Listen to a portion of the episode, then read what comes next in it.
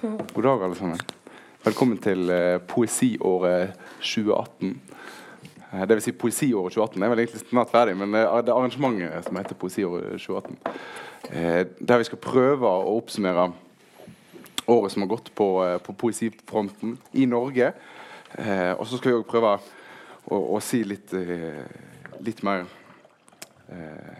eh, ha litt, litt lengre perspektiv men med, med hva som foregår i, i poe- poesien i Norge på et litt mer enn bare ett års perspektiv òg. Dette arrangementet her, det, det, det blir lengre og lengre og lengre for hvert år. Så jeg kan bare si med en gang at vi kommer sikkert ikke til å få snakket om alt så vi skal snakke om alle de bøkene eh, som vi burde ha snakket om alt dette her. Eh, men men vi, vi har to timer på oss eh, det vil si vi, vi skal kjøre 45 minutter nå først, og så en pause, og så er det en ny 45 minutters runde etterpå. Og den siste runden etter pausen, da skal vi ta og snakke mer om enkeltverk, og så skal vi ha litt, litt større linjer nå før pausen.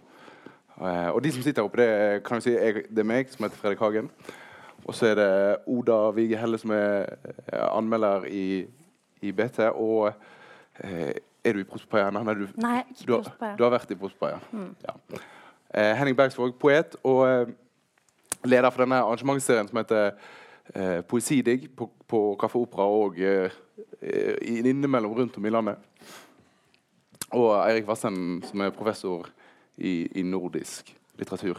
Som jeg har hørt en historie om at når du, hadde, når du fikk dine første barn, så hadde du bestemt deg for å lese Prost for dem, og så måtte du gi opp. Er det en sann historie, eller er det bare fortellingsgård?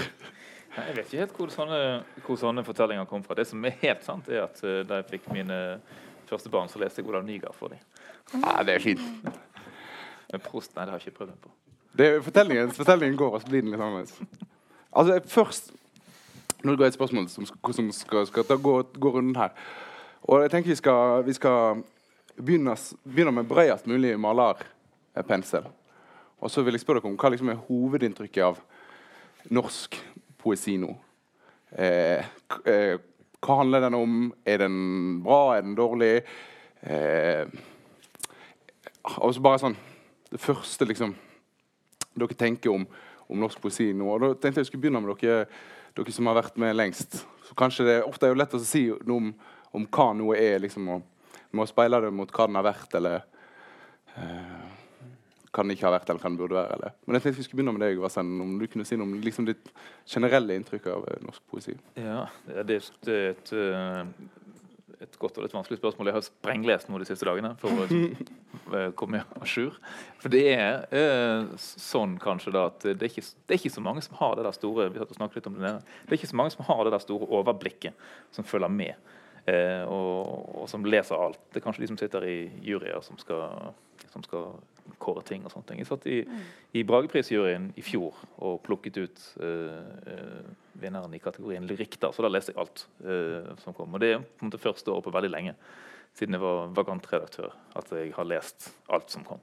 Og dette er da også noe, en sånn påminnelse om at det er en øvelse som man kanskje bør gjøre oftere, men at man kanskje ikke bør gjøre den på en uke. da. Eh, man bør, man bør eh, prøve å spre det litt utover. Og eh, har jo, jeg tror ikke jeg har klart å lese hele poesiåret, men jeg har lest ganske mye. Og det er ganske, det er ganske interessant å se at det for meg ser ut til å være to eller tre, kanskje, eh, sånne tendenser, da, eh, hvis man skal peke ut noen sånne veldig veldig grove eh, kurser som, som poesien beveger seg langs. da. Det ene ja, Kanskje vi skal begynne med den, den som er på en måte mest tradisjonell. Det, det er det vi kunne kalle en slags, en slags, eh, en slags sånn pågående eh, utforskning av noen, noen fryktelig gamle motiver. Eh, naturen. Altså natur, Naturdiktlinjen fins eh, i, i, i ganske Eh, Den lever i ganske god vigør. Det tenker jeg kanskje litt fordi at jeg har også vært opptatt av naturlyrikken det siste året og vært med på å lage en antologi om det. og sånne ting. Men, men den fins der, altså den, og den har fått en litt sånn en litt skarpere og litt mer eh, kritisk, og i noen sammenhenger også mer politisk eh, profil. Vi satt også og diskuterte Sigmund Løversen eh, nede, f.eks. Det, det, det er en sånn type en sånn type eh, altså representanter for en sånn linje. Han har jo også vært ropt ut eh, i VG senest nå for noen dager siden til eh, årets, en av årets beste diktsamlinger. Vi har jo ikke den på vår meny her i, dag, strengt tatt. Ingen av oss som har plukket den ut. Så det går an å være uenige om det. Det er den ene linjen. da. Så er det en annen type poesi som kanskje er mer preget av det vi kunne kalle en slags sånn, liksom kompakte eh, bilder, stemninger, eh, fornemmelser. Og, og, et ganske sånn subtilt hva vi skal si da, billedspråk. Ofte, ofte, litt sånn kryptiske tekster. Altså jeg, har, eh, jeg, har, lest Gunstein Bakke sin håndbok og, og, liker den veldig godt. Og, og, tenker at den er eksempel på en sånn bok som eller en, en samling som, som vikles litt sånn fra hverandre, lag for lag, for å få helt grep om hva det er, som, eh, hva det, er det dreier seg om. Eh, og ja, I gamle dager så pleide vi å bruke en sånn etikett som språkkritisk poesi. Eh, ikke helt sikker på om den passer fortsatt, men, men, men et eller annet sted der. Da. Og Den tredje linjen som jeg tenker at jeg ser, det er eh, en som liksom har i ferd med å vokse seg ganske uh, til å bli en ganske brei tradisjon nå. Og, og, og, og det er en, en, sånn Hva vi kaller det? En slags uh, en slags poesi som beveger seg langt over i feltet for uh, det fortellende. Som, som, tekster som, som, kunne vært noveller eller som kunne vært små uh, romanhistorier hvis de hadde vært stilt opp litt annerledes. Mm. Uh, men som, får en, en, en veldig sånn spesifikk egenverdi ved at, ved at den er uh, den er stilt opp på måter som gjør at språkbitene ser de, de, får en slags, en slags sånn kraft uh, ved at ja, Det er linjeskifte. Da, det er ofte, kanskje, kanskje, et av de viktigste kjennetegnene på, på, poesi. Det skjer noen ting hver gang eh, linjen slutter og begynner på nytt igjen. Sant? Og at en fortelling ikke lenger er en fortelling når den stilles, fremstilles på denne måten. her. Eh, interessant er det å se at det er en del novelleforfattere og romanforfattere som, som bare naturlig tar skrittet over i poesien. Eh, eh, Amalie Kassin Lerstang er et eksempel på det. Kanskje banebryteren på feltet i norsk poesi er jo Øyvind Rimbreid. Som ga ut sine noveller og romaner før han begynte å, å skrive poesi. Og så fikk det store gjennombruddet sitt som poet, kan vi vel si. Eh, det er liksom, en sånn formmessig eh, en formmessig Bare stopp meg hvis jeg går for langt, for jeg har eh, liksom litt ammunisjon her. Men det er, sånn, det er sånn, en sånn deling i tre formmessige eh, tendenser. Og så er, er, det noe sånn Jeg vet ikke om vi skal dele det tematisk, så kunne man kanskje prøve å dele det i to. Altså en poesi som er opptatt av å tenke, forstå, beskrive eh, Og en poesi som er opptatt av å gjøre. Altså en poesi som er opptatt av å handle eller å fremprovosere handling, som har en eller annen form for aktivisme eh, i bunnen. Og De, de, de synes jeg skiller seg fra hverandre i den, i den bunken som, som, vi har her. Det er ikke sånn at den poesien som tenker, ikke vil gjøre noen ting. Men den, den har ikke den har ikke den der eh, eh, Den har ikke den hissigheten, da. Og det syns jeg er litt interessant. Altså at den der eh, den litt sånn hardere eh, poesien, som, som, som, veldig tydelig sier hva han skal, og, og, og hvor han vil. Mm. Eh, kontra en som mer utforskende, som ikke helt vet hvor han, hvor han er, eller, eller, hvor han har tenkt seg. Dette jeg tenker jo veldig sånn eh, klassisk sånn litteraturvitenskapelig tenkemåte. Vi begynner med kategorier og organisering. Og, og det var veldig, jeg synes det var veldig øh, en, en, god oppdeling. Og, det er jo ryddig å høre på, men uh, Det er lov å protestere. hva, hva, hva, du kan sikkert supplere professoren, uh, Henning. Jo, jo. Nei, jeg, jeg, står jo på en måte midt i feltet da, med hud og hår etter hvert. jeg tenker at det, det er et dypt sånn, fraksjonistisk bilde, egentlig, i forhold til det det var for 20 år siden. når jeg gikk på Skrivekunstakademia. Da var det ganske lett å få overblikk over norsk poesi. og, og og det var færre forlag eh, for den saks skyld. Altså, jeg tror det er, det er litt mer eh, prosjekter som foregår nå, som er som, som, er, som Flamme forlag er nytt, men også House of Foundation, eh, Audiatur forlag. Du har, du, altså de, jeg tror det er veldig mange diktere som ikke har peiling på at Pål Bjerke Andersen og Gunnar Berge skriver de bøkene de gjør. Eh, på, like, på, samme måte kan du gå til eh, poeter på knyttet til Flamme forlag som henger rundt på blå, og spørre dem hvem, hvem uh, ja, Halvor Foynes er. Og de, de, vil ikke vite hvem han er. Eh, på en måte. Så, jeg, så jeg tror det at man, man, man står i veldig forskjellige verdener eh, i poesien. Og selvfølgelig Instagram-poesien, som vi skal innom uh, ut ifra det, det du eh, foreskrev. Jeg tror det, tror det er en, en, en del av det bildet. da. Så jeg, jeg tror på en måte det så, så, dette hierarkiet, eller på en måte, hvem er det som er de viktige poetene i Norge, det, det vil du ikke få svar på så lett. Det er kanskje tre-fire-fem navn man er enige om. på en måte. De, de, må anmeldes, de er viktige. Resten så, så, er det bare et helt sånn mylder.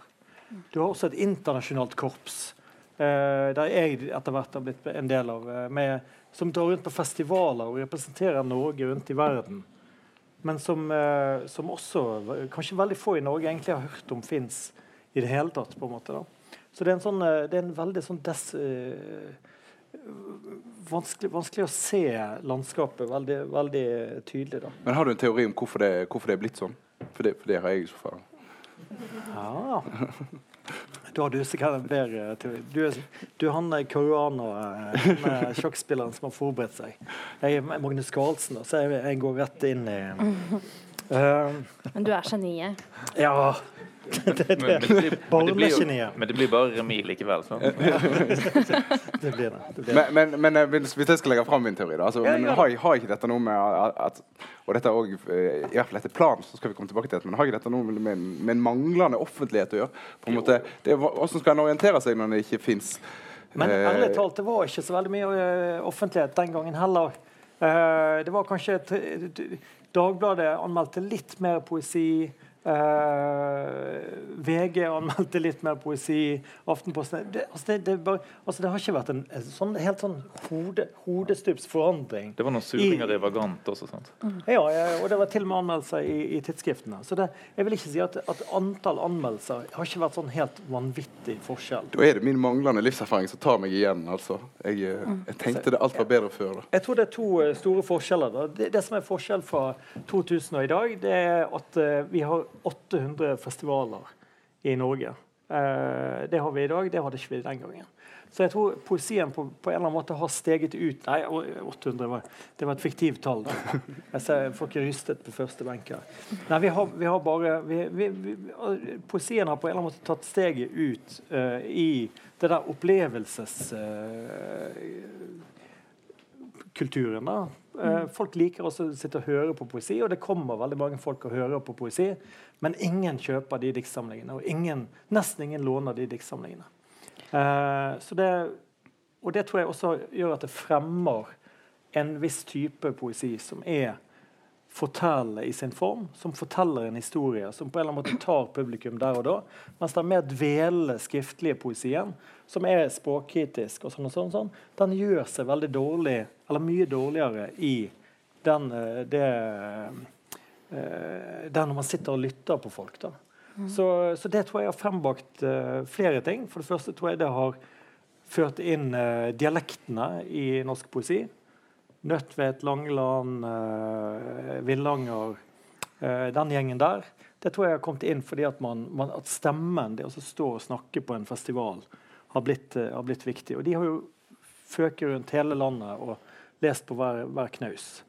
Uh, og det tror jeg også har med at på akademiene så blir studentene nå sendt ut på opplesninger hele tiden. Mens uh, vi aldri ble det. Vi ventet på den siste avslutningsopplesningen opplesningen i mai, liksom, da vi endelig skulle stå og skjelve og, og, vise frem hva vi hadde, hadde, hadde laget. Så jeg tror, jeg tror, det også er sånt, en sånn betegnende ting med norsk poesi, og egentlig internasjonalt òg. Uh, og det handler jo Og honoreringen er jo så som så. Sant? Så det er en, det er litt sånn uh, avprofesjonalisering også på, på en måte. Og, og jeg er litt, litt bekymret. Og jeg, jeg, jeg, har lyst jeg syns vi må jobbe litt for å ta vare på den skriftlige eh, poesien. Og eh, gjør ikke veldig mye for det egentlig ved å lage opplesninger hele tiden. Men, eh, men, eh, men, eh, men der kommer jo Instagram-poesien inn, da. Altså, for den er jo supertilgjengelig. Eh, som jeg tenker at er noe av grunnen til dens vi, jo, vi er jo nødt til å kalle det en suksess. Altså Ren poesi av 100 000 følgere han der, hva er det han heter? Trygve Skaug. Trygve Skau. Ja. Han har nesten 70 000, og Alexander Fallo har 20 000. Det er kjempemange mennesker. Alexander Fallo har gensere med dikt på. Tenk Ja, han selger, han lever, og han gjør, gjør det på samme måten som, som amerikanerne gjorde det før han. da. Eh, at han, han lever på å selge merch, rett og slett. Altså Han lager T-skjorter, lager plakater, eh, som kanskje er det de selger mest av. Eh, Med Som- dikt på. med dikt på, med, med sånn korte Gjerne én setning, liksom. Eller bare en sånn altså, Mye av det er jo nesten mantraer, ikke sant? Eller, ja. Og nå er, nå, nå, da har vi kommet inn på, på, på det første punktet vi, vi skal lande på, her, som er Instagram-poesi. Eh, som, som vi snakker om hvert, hvert år på dette arrangementet. snakker vi om det, altså. men, eh, men det ble hevda, og og grunnen til at jeg følte jeg måtte ha det med i år, det ble hevda i The Atlantic, en- kanskje en artikkel som flere har sett, at eh, Instagram saved poetry. Uh, gjennom uh, disse amerikanske Instagram-poetene som er eh, det er Rupi Kaur er vel kanskje den den største av dem, men han har flere og, eh, poeter som har, eh, eller, eller mennesker som har gjort seg rike med å, med, å, med å skrive dikt på Instagram og så gi det ut i bøk, bokform etterpå. Da. Eh, Rupi Kaur solgte forbi Odysseen på Ja, Et år, det var det ikke det? Det er jo interessant, Det er interessant i seg selv. Som en påstand også.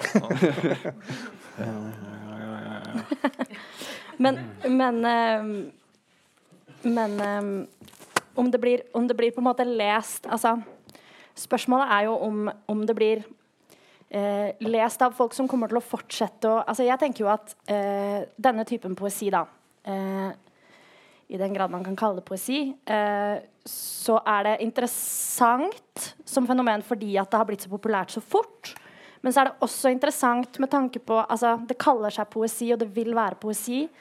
Eh, men blir det lest av folk som leser poesi, og fortsetter de som leser det, å lese mer poesi etterpå? Altså har det en slags sånn eh, gateway drug, liksom. Ja, For det er helt altså, klart det er det. sant? Det er, det er førstelinjepoesi. Veldig Mm. mye av den Instagram- Instagram-poesien.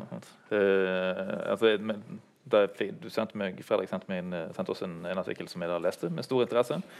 Og, og da jeg begynte å liksom skumme gjennom eksemplene her, så tenkte jeg med en gang at dette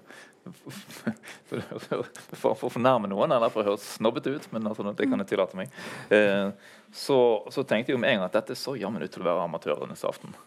Eh, og, og Ingen spurte å le av den vitsen. Nei, men, altså, men, men det er jo en sånn type poesi som man skriver hvis man ikke har lest mye poesi. Sant? Eh, Jeg fikk det inntrykket bekreftet også da jeg leste en, en annen artikkel som eh, Rebecca Watts hadde skrevet, med altså tittelen ganske riktig 'The Cult of the Noble Amateur', som, som handler litt om hvordan amatørens eh, renhet og ufordervethet og ikke-litteraritet da, eh, er en slags verdi her. Et av de engelske forlagene som da hun viste en artikkel som en engelsk kritiker, da, der daværende kritiker i 2004 skrev om amatørpoesien, som han hudflettet.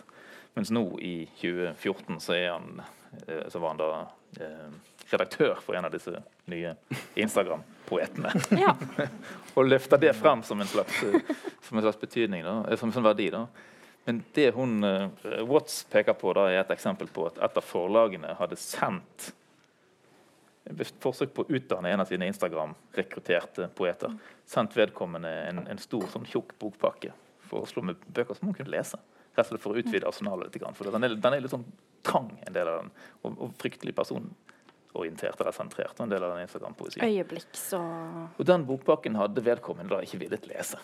Altså som en slags sånn, Hun hadde skrevet om det, da, men ikke, men ikke lest tekstene. sant? Og det er klart at det er poesi skrevet av folk som, som ikke har gått den tradisjonelle veien, som ikke har lest, som ikke har gått på et akademi, som ikke har studert litteratur. Sant? Og, og gjerne også for, for et publikum som ikke nødvendigvis er det tradisjonelle skolerte.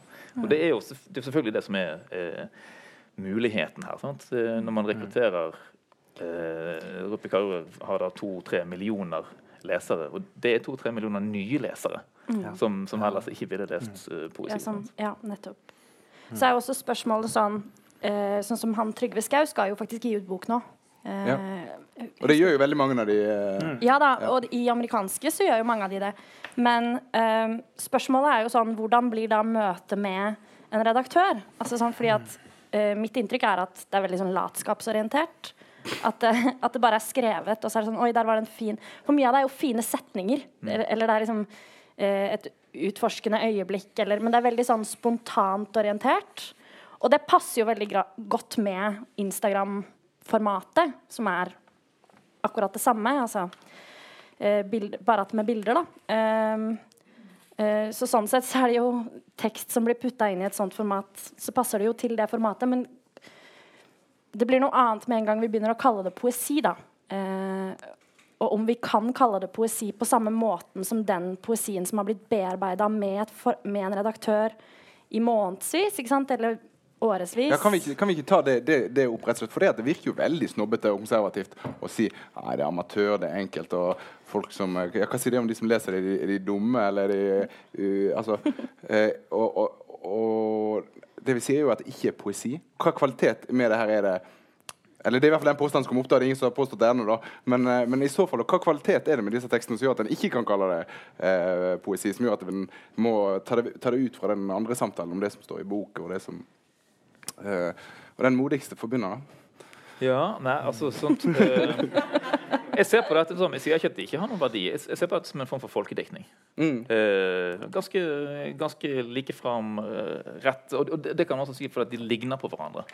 Altså, den originalitet er ikke nødvendigvis et, et poeng her. At de skal liksom ha noe språklig nytt eller åpne opp et eller annet som man aldri har sett før.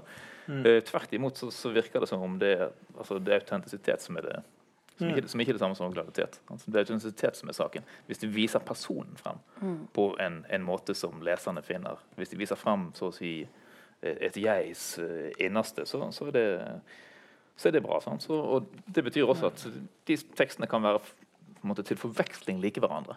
Ja. Side etter side med ting som, som sant? Det er ganske godt oppsummert i en tekst her som vi leste, som er den samme teksten som du sendte oss. da. Most Instagram poems advise how to live a better life, how to move on from a broken heart, how to believe in oneself, how to pursue one's dreams. Jo, jo, og dette er fremstilt som, som en god ting. Sant? Eh, Men- det, men det, altså- det er litt sånn selvhjelps. Selvhjelp og eh, Men Eirik, eh, punk, punken jo også, var jo også eh, på en måte amatørenes Ja, aften. ja, ja. Eh, altså det er mange eh, nye uttrykk og nye, nye medier og nye uttrykksformer som er amatørenes aften, som allikevel kan få, der det kan oppstå en verdi etter hvert. Og det er jo tross alt en helt ny form. Så gi den, eh, jeg tenker bare om å gi den litt slekk, da. Fordi at eh, Ja, for vi er for tøffe mot den. Altså, den, det er poesi. Du, du ville sagt det er poesi? alt, alt som vil poesi er være poesi, Ja, er poesi. ja, ja. Hallo. Det er jo ikke en Det beskyttet tittel. Nei, det Det er jo, jeg er poesi, du er poesi. Det er poesi. Det, vi skal ikke det, det, er den, Vi skal ikke holde den eh, Men, men altså, altså den, den, eh, jeg har veldig tro på poesien. Så, altså for meg er poesien noe helt annet. da. For meg er poesien et, et for, forsknings, eh, en forskningsstasjon for språk der vi, som vi alle samarbeider på, som vi alle bidrar til, og som bringer en eller annen kunstform videre. Eh, og Den foregår internasjonalt. Og det er vår oppgave å innhente de signalene som andre holder på med, og bringe det videre på nye måter hele tiden. Og fornye det i ett sett. Det er poesi for meg. Men så er det en, en annen som kan, kan, kan være at poesi handler om også å viderebringe den følelsen jeg har inni meg, ut i dette rommet. Og finne en leser. Og at den skal gjenoppstå i en leser. Og det er jo helt fair. Så det er bare to måter å se det på. det, Men det er ikke truende, det. Uh, men, uh, men jeg syns det er selvfølgelig er verdiløst. Selvfølgelig. Altså det, det, det, det, det, det har jo ingen, eh, det har jo ingen eh, hva, hva skal det være godt for?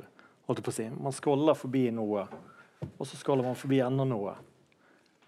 Det er jo bare å kjenne seg Altså sånn um, Jeg vil ikke si det er verdiløst, for det er veldig stygt å si.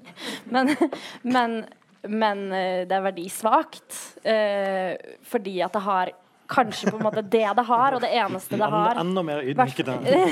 ja, men det eneste det har, i hvert fall det jeg har lest av det eh, De siste dagene har det vært nokså mye, men, men eh, Det er jo bare noe å kjenne seg igjen i.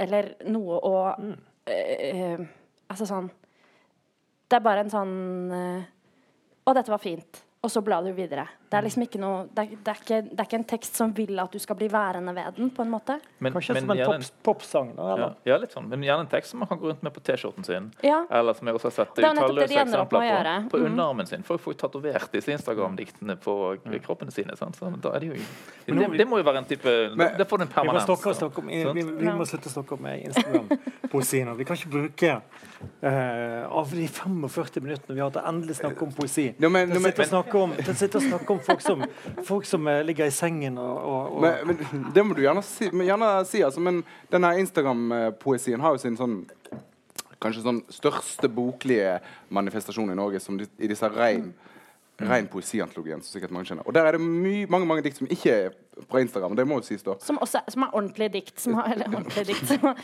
stygt sagt, men som har blitt utgitt av et forlegg ja. da, på, på, på et tidspunkt, liksom, som har, som har blitt henta inn som en, som en normal antologi, på en måte. Og, og, og, det, det er kanskje ikke alle som har fått med seg, men der har det vært en, en ordentlig konflikt rundt disse antologiene. Der hun som Ellen Wisløff, som, som lagde den Instagram-kontoen som, de, som Som det det begynte med. begynte i ja, ren, hun- ren poesi. Ren poesi. Altså Hun har mista rettigheten Eller hun avslutta avtalen sin med Cappelen, og så fortsatte de, men ikke med ren poesi. Men de gir ut rein høst, rein jul, rein ditten og datten. Og så, og så hadde de liksom helt bevisst helt, Det så ut som om det var samme serien. Da.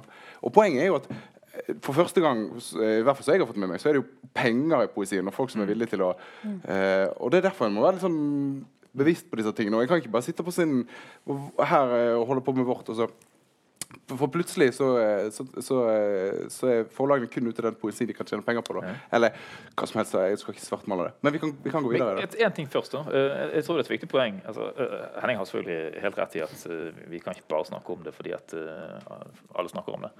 Vi må stille spørsmål om hvorvidt det er bra og, og viktig og, og tilfører noe nytt. da. Og, men, men altså, jeg ser et slags, et slags poeng med å snakke om det fordi at det er noe som helt mangler i dette feltet. her. Det er jo på en måte en slags kritisk samtale rundt det. Altså fordi at Kritikk er ikke en del av dette feltet. Kritikk er definert som hat. Eller som uh, hatytringer. Eller som uh, Eller kanskje det uh, verbet hating det handler om her. da. Men altså de som peker på at noen ting mangler, eller at det kan gjøres annerledes, eller at den, den samtalen som kan flytte ting litt rundt, da. Sant? Eh, Den, den er ganske ser ut til å være bare liten. Og, og særlig fordi at hvis man sier noen ting om noens dikt, så sier man noen ting som går direkte på person. Ja, ja, ja. Altså Det er ingenting imellom. Diktet er ikke imellom. Sant? Diktet ser ut til å være en slags sånn forlengelse av. mm. så jeg at dere ville hive. Men skulle dere ikke gå videre? Jo da, jeg har bare lyst til å si en ting. Det er jo, men de, de konkluderer jo med det samme i den teksten som du har referert til nå, som vi alle leste.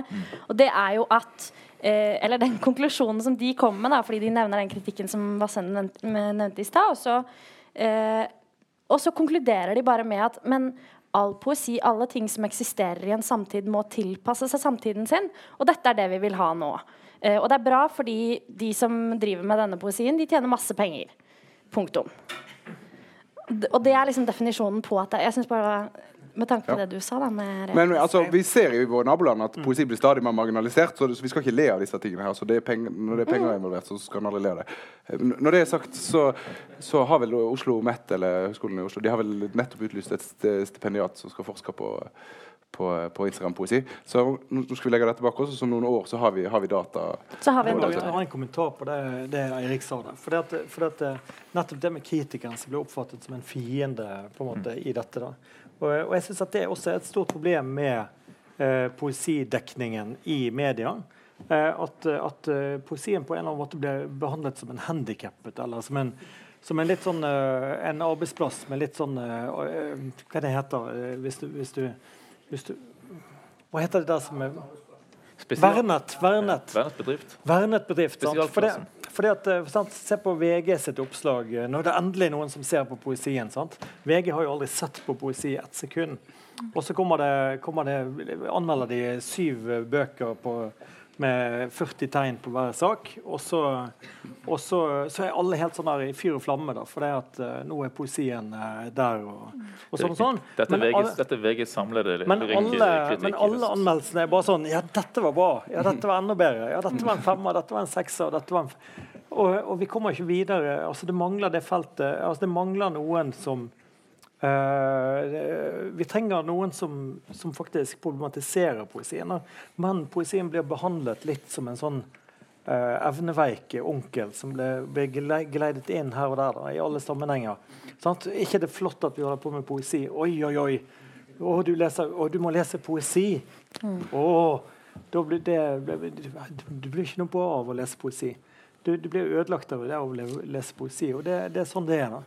Og, og jeg, jeg tenker det, det er livsfarlig hvis man, hvis man gjør, det, gjør det grepet mot eh, og, det, og mangel på, på eh, kritikken og mangel på støtte til, til eh, tidsskrifter. Til, eh, heldigvis har Kulturrådet en satsing på, på kritikken nå, som er vedtatt. Mm. At, at man skal, Og Bergen kommune.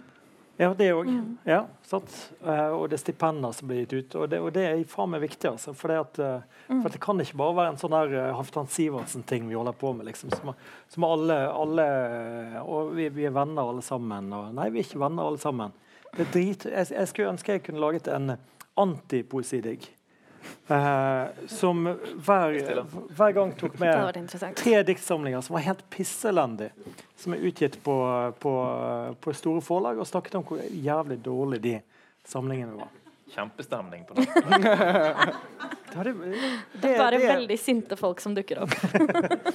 Det hadde, det hadde, det hadde jo virkelig kommet folk for å se på det. jeg er helt sikker på. for dette er mye dårlig. Ja. Sant? Og, det, og det, det Ja, ja, vi tør aldri å ta, ta helt til det, for vi, vi tør ikke å si det helt. Jo, det er mye dårlig i norsk poesi. Velkommen til Kritisk kvartett 5. februar. Jeg kan ikke love at det blir poesi Men dere, spesial. dere, snakker, men, eh, dere snakker jo altfor lite om poesi på vi kvartett. Vi snakker litt lite om poesi. Det er helt riktig. Men, eh, men er det Jeg syns det ble påstått i sted at eh, Og vi kan godt snakke litt om, om dette med offentlighet og, og poesi, altså. Men det ble påstått i sted at det nett liker på anmeldelser, som det alltid har det alltid vært så ille som det er her, altså. Nei. Nei, nei, nei. Ikke vært så ille sånn som det, som det er nå. Eh, det ja, Hvis vi bare scroller en 60-70 år tilbake, igjen, så, så vil vi se at uh, poesien uh, har omtrent like stor plass uh, som romanene. Altså hvis man tar, Jeg har forsket bitte litt på dette. Og, og i løpet av én uke i desember 1949, altså sånn på 40-tallet, 50-tallet, 60-tallet, så kom alle bøkene ut i eh, siste uke av november og i tre første i desember. Ja, da sto det på trykk eh, i løpet av én uke. 14 diktanmeldelser, 10-12 romananmeldelser, 20 sakprosaanmeldelser og eh, 15-16 eh, barnebokanmeldelser.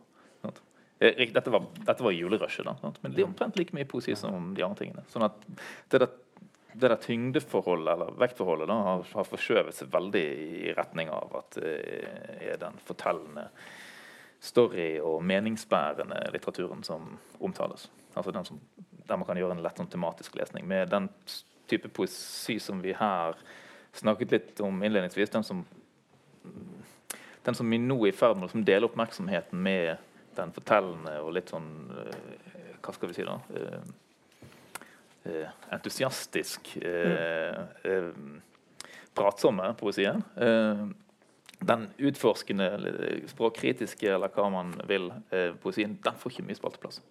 Rett og slett. For den krever en annen type tilnærming. Den krever også ja, av og til litt mer plass. Da, sant? Ja, det er noe helt uenig. Jeg synes den ofte er den språkkritiske poesien som får flest av mest positive anmeldelser. da. Eh, selv om det er minst av den. Så jeg vet ikke om jeg Ja. Men, eh, men jeg hadde et annet poeng. Eh, Er det noen, eh, Oda, har du noe eh, Nei, jeg tenkte egentlig bare eh, Du som anmelder sjøl, altså, åssen er det med Det er ikke akkurat eh, flo- flust i BT heller? Nei, det er ikke det. Eh, og det- har vi snakka om. Eh, det ligger et ønske der om å bli bedre på det. Eh, men eh, det kommer, det kommer, holdt jeg på å si. Jeg vet ikke hvor offentlig eller hvor hva, Men er det hva har jeg lov å si, Er, egentlig? er det poesien som har gjort dette hvis vi snakket om, Både når vi snakket om Instagram, at det, det, er, liksom, det, det er så langt fra, fra den poesien. altså, Er det poesien som har gjort seg sjøl vanskelig? Har de distansert seg sjøl fra, fra leserne? Og, og dermed òg er ikke det så interessant for, for kritikerne å ta det opp? Eller det, kan det finnes- seg- sjøl? Det finnes jo iallfall én, i- om ikke om ikke vanlig, men så iallfall gryende poesi der, som bl.a. Sumaya Jirdali skriver, som er veldig sånn leserhenvendt, eksplisitt politisk, nesten du-form, ikke sant? Um, som jeg vil si at gjør det motsatte av det, eh, og som er kjempetilgjengelig, og som også blir, uh, tror jeg i alle fall, lest en del. Uh, Blir ikke det Du kan godt uh, rette på det. Jeg føler at den, eh, den, den er, det er en helt OK diktsamling, altså, men den blir vel først og fremst lest fordi hun er den hun er? Eller? det kan godt være. Og sånn er det jo med veldig mange eh, Og det er eh, altså poeter, og de aller største òg. Mm. Veldig mange Det handler ofte om personene rundt poeten. Gjør Ja, nok det.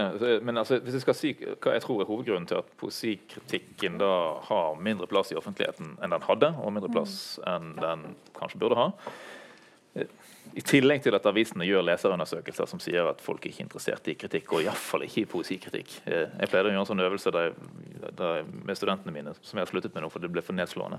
Altså med å spørre de da hvor mange er det som leser, uh, hvor mange er det som leser uh, litteratur? Uh, hvor mange er det som leser nye norske bøker? Så er det mange hender i været. Hvor mange er det som leser poesi og færre her i været. Hvor mange er det som leser nynorsk poesi i en og annen hånd? Eh, hvor mange er det som leser poesikritikk? Det er bare latterbrøl ifra, ifra For det er det ingen som gjør. Eh, og det er det samme som da Bergens Tidende i 2010 bestemte seg for å trappe kraftig ned på uh, litteraturkritikken, så var det bl.a. leserundersøkelser som viste at kritikken i seg sjøl var ikke spesielt høyt på listen over det man ville ha. og Poesikritikken var lavest på, på mm.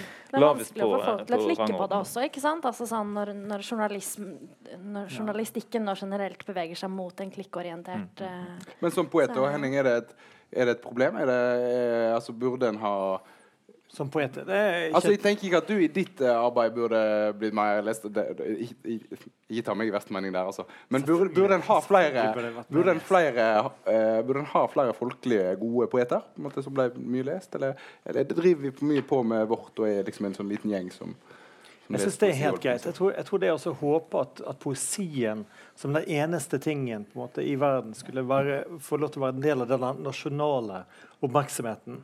Altså Til og med Dagsrevyen er jo ikke lenger sett av alle. eller forhold. Altså Det er jo ingenting som alle i Norge forholder seg til lenger. Til og med gullrekka eh, faller, liksom. Så hvorfor skulle, skulle, poesien være det som fortsatt fikk masse anmeldelser i media, og alle var opptatt av, og alle fulgte med på?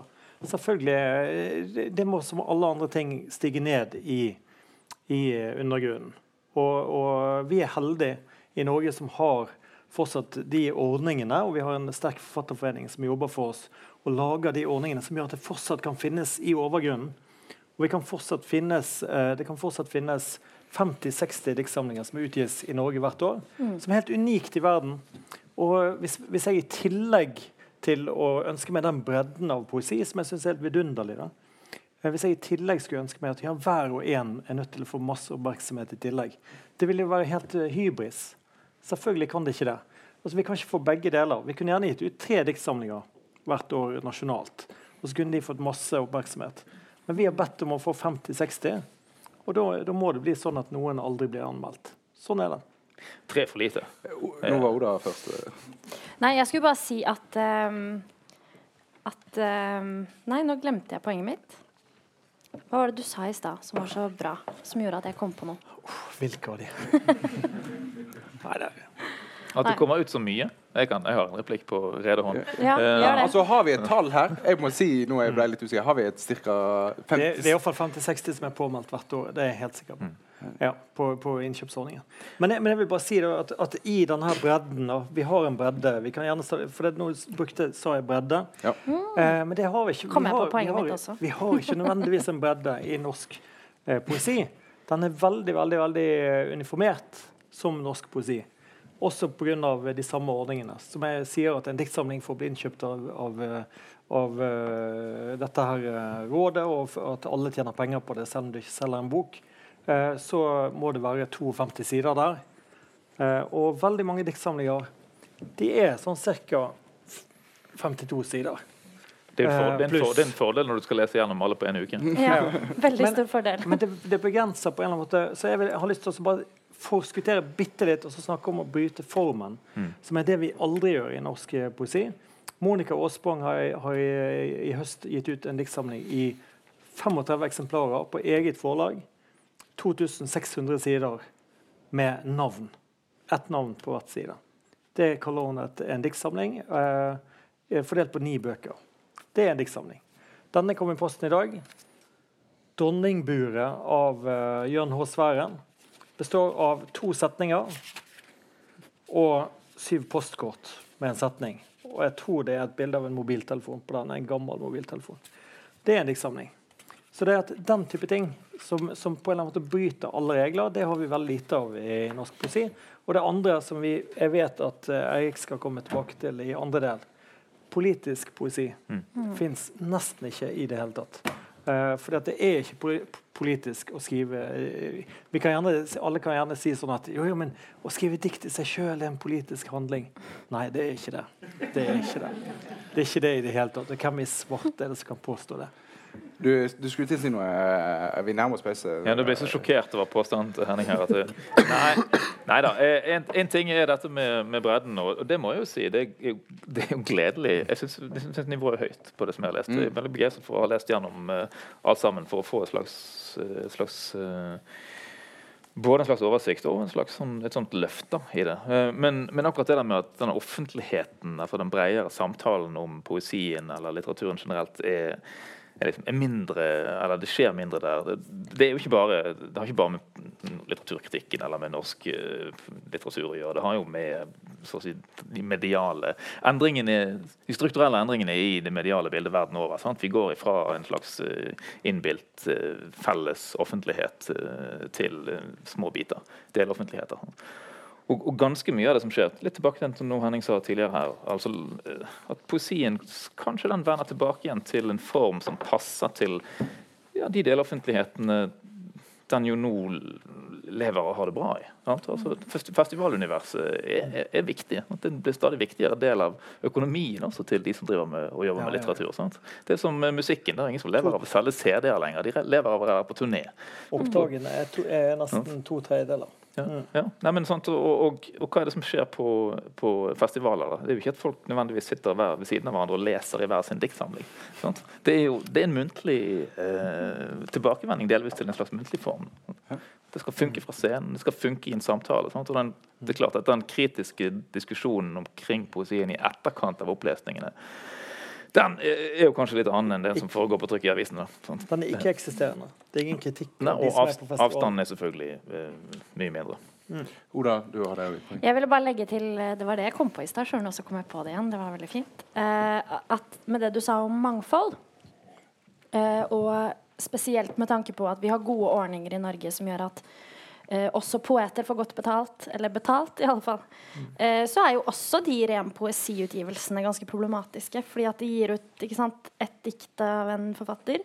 Og noen av de er jo henta fra andre utgivelser, og, og noen av forfatterne er døde. ikke sant? Men av de levende eh, forfatterne i, som er med i de, så får de 300 kroner for et dikt. Eh, per opplag, da. Og det går jo ikke an å leve av. Det høres ut som Spotify. det. Der må man Ja. ut, på, må ut på turné. For Det er antologi, den norske er altså til Forfatterforeningen. denne avtalen er den dårligste forfatterne har. Det er antologiavtalen. Og den er, den er fra 95 eller noe sånt. Og Forlagerforeningen nekter å undertegne ny en. Hvis det er ren poesi som er- overtar, så må vi ha ny Ja. ordning der.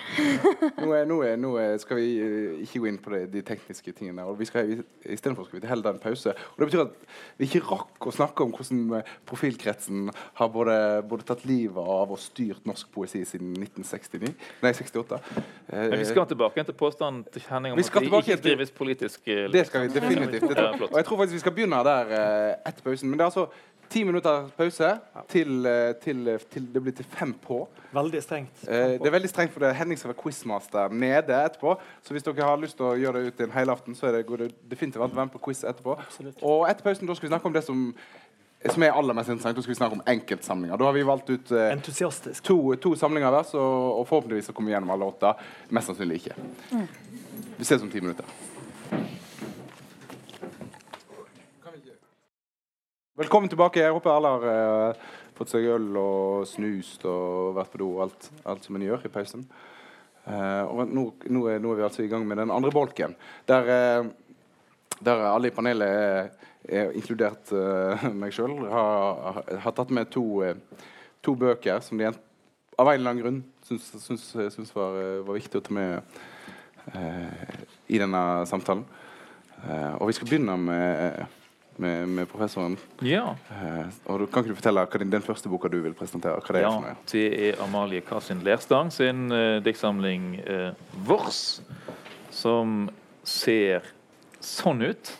Uh, og det vi ser her, er jo et slags eh, hva skal vi kalle det, en slags fantasi over en 1. mai-fane. Det er det som er på, på omslaget her. Og dette er et eksempel på noe som fins, som har eksistert i Norge i norsk litteratur i 120 år, og som ser ut til å ha fått en eller annen form for, for fascinerende renessanse, nemlig arbeiderlitteraturen. Altså det som vi historisk har definert som arbeiderlitteratur. Litteratur om eller av eller for, eller med utgangspunkt i eh, arbeidere arbeidsnære, eller si, arbeidskulturen, da, sitt utgangspunkt. Altså det, det, det, er en fortelling om industristedet eh, Notodden. Som, som, minner litt om, om en del andre eh, fortellinger eller, eller, tekster som har vært definert som arbeiderlitteratur. Altså disse bruksfortellingene som, som eh, ble skrevet på eh, 20-tallet. Det minner om Lars Ove Seljestad sin storspring fra uh, Odda. altså der, sånn si, Fabrikken og maskinen er hovedpersonen like mye som, som arbeideren jeget.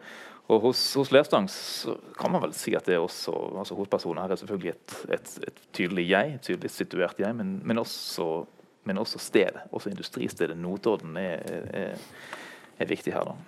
Uh, det heter ikke 'jeg' nå lenger. Heretter heter det 'vårs', heter det eh, med et sitat av eh, Haldis Moren Vesaas et sted inni her. Sant? og Der kommer også tittelen fra. Det er fellesskapet.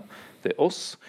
Eh, og det er dette et eksempel på det som vi snakket om i, før pausen. Altså en type poesi som, som, skal fortelle noe, som vil fortelle noe, og som også som har et, et ganske sånn sterkt eh, Hva skal vi si identitetsprosjekt. Da. Også dette er en oppveksthistorie som, som dette, dette jeg eh, forteller om bakgrunn, familiebakgrunn, slekt, historie. Eh, sterk, sterk bestemor som, som, som, trer frem her som en sånn eh, et slags familieoverhode. Dronningbien, som, eh, som, eh, hun kalles.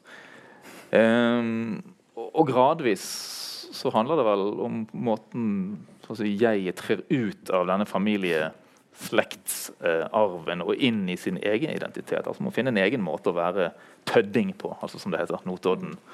Eh, borgeren eller boeren heter, kaller seg sjøl for tøddingen og lever et uh, tødd life. Sånn, sånn, sånn at eh, eh, eh, det, tenker det er to typer slang eller dialekt som, som dukker opp her. Det ene er den stedsspesifikke altså det som handler om, om Notodden. Og det andre er det klassespesifikke. Det som handler om hvor man er i det sosiale og geografiske hierarkiet. For som veldig mange industristeder, eh, Fredriks eh, Odda og, eh, og, andre, så er også, også geografien, altså rett og slett hvordan byen ser ut eh, lagdelt. Da, det er arbeiderboligene nede der, og så er det den mellomlederen, og så er det da direktørboligene med, med den strålende, storslåtte utsikten.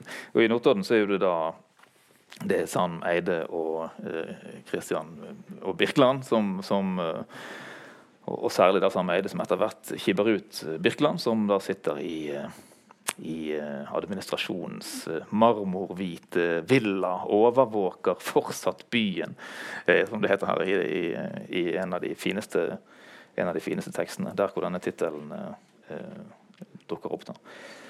Men så er det også et, en sånn, veldig sånn flott måte, eller forsøk på å omfavne de delene av byen som ikke bare er tradisjonell arbeiderhistorie, men som også er der altså, rånerkultur og det å, det å eie dette på en måte sosialt eh, altså Det som også befinner seg nederst på en annen sosial eh, skala, altså den kulturelle. Det som, handler, det som, skjer når man flytter til eh, storbyen og reiser tilbake igjen, og, og likevel fortsatt vil identifisere seg med, med råneren, bilen som skraper langs med hovedgaten i byen, beskrives her ikke på noen måte latterlig, sant? men med, med, en form for inderlighet. og Jeg syns det, det er noe av det, noe av det, det fine i dette er den formen for solidaritet med hjemstedet som også finnes her. Det er fort gjort å ta avstand fra det man kommer fra. Uh, uh, uh, så jeg syns det, det er ganske mye tøft i denne boken. her. Altså, det er et eksempel på, eksempel på en kjærlig, kjærlig, beskrivelse av et sted som kanskje er et slags utskudd. Men det er også, det er også en, sånn, en sånn attityde som handler om å si, skrive fram eller presse fram eh, eh, identitet som både liksom, henger sammen med, med sted og, og, og, slekt, men som også er noe helt annet. da, Som også er seg sjøl. Altså denne kampen mellom jeget og vi-et. Vårs og, eh, og jeg. da, Den, eh, eh syns jeg er fin her. Eh, jeg kan lese ett lite eksempel på uh, Nei, forresten, jeg skal, jeg skal finne noe annet. Jeg skal ikke bruke så lang tid. Jeg vi skal ha flere bøker. Uh, jeg skal si noe annet også. Altså, det, er en bok som ikke bare vil fortelle, men det er også en bok som vil noe, og som gjør noe. Og på ett konkret sted her Jeg vet jo ikke hvor, hvor autentisk det som står her er, men det spiller for så vidt ingen rolle. For disse historiene fremstår som på en måte sanne og som, og som, og som, og som ekte. da. Det er den ene fortellingen mot slutten her, for det er ikke bare arbeiderlitteratur i den, såkalt, altså den tradisjonelle fabrikkarbeiderforstanden, men det er også i en moderne prekariatforstand. Løsarbeiderens eh, elendige vilkår. I dette tilfellet er det jeget som da har tre jobber på en gang. Den ene i en eh, videoforretning. Og så fortelles det en historie da om hvordan eh, hvordan eh, jeg-personen da blir utpekt til eh, skurk fordi at 10 000 kroner fra et eh, dagsoppgjør mangler. Det har satt seg fast i en eh, bankautomat og, og, og, sånne ting. Da. Så fortelles historien om hvordan eh, jeg da blir sittende åtte timer et, eh, på et hotellrom utsatt for et avhør av sjefen og mellomlederen. Eh, eh, og så bruker denne boken anledningen til å hevne seg på, på sjefen og mellomlederen, som navngis. da. Eh, jeg skal, jeg skal lese akkurat uh, slutten deretter. En ganske kjip beskrivelse av uh, hvordan de drev, drev og tynt henne og, og, og skvist henne. Jeg leser slutten på diktet her. da. Eh, hadde jeg visst mer, kunne jeg banka med noe i bordet, tillitsvalgt, fagforent, arbeidstilsynt. Jeg ønsket hevn, men svelget krokodillene. altså skumkrokodillene som hun innrømmet å ha knabbet ifra godteriboksen. I motsetning til pengene. Sannheten er jeg har villet hevne meg fram til denne dag, har villet se dem blottlagt i gapestokk. Hvordan kan man egentlig hevne seg? Therese og Maja Rosinta, Showtime, avdeling Skien. altså, poesien, kan, poesien, kan, gjøre noen ting, da. Hvis den vil. Uh, og her synes, Jeg syns denne boken er veldig fin fordi den gjør mange forskjellige ting. Sant? Den, den ut, altså det, det, er en egen stemme som etablerer seg her, og en stemme som skriver fram et, en historie, et, en, en slektsarv. Eh, og den skriver frem også et sted som, som fremtrer veldig levende og, og, og, og, ordentlig. Dere har sikkert lyst til å kommentere begge to eh, på denne boka, men jeg, jeg, jeg, har lyst til å begynne. Jeg. Mm. Eh, og, for først må Jeg si, jeg, jeg er helt enig i at dette, i denne uh, fortellende poesien uh, prosapoesien, eller hva, hva en skal kalle den, eh, så er denne, dette for det første et praksiseksemplar for hvordan det skal gjøres riktig. Og det er en utrolig fin bok. Eh, synes jeg Den er både morsom, den er alvorlig, den, eh, og den er godt, godt skrevet, syns jeg.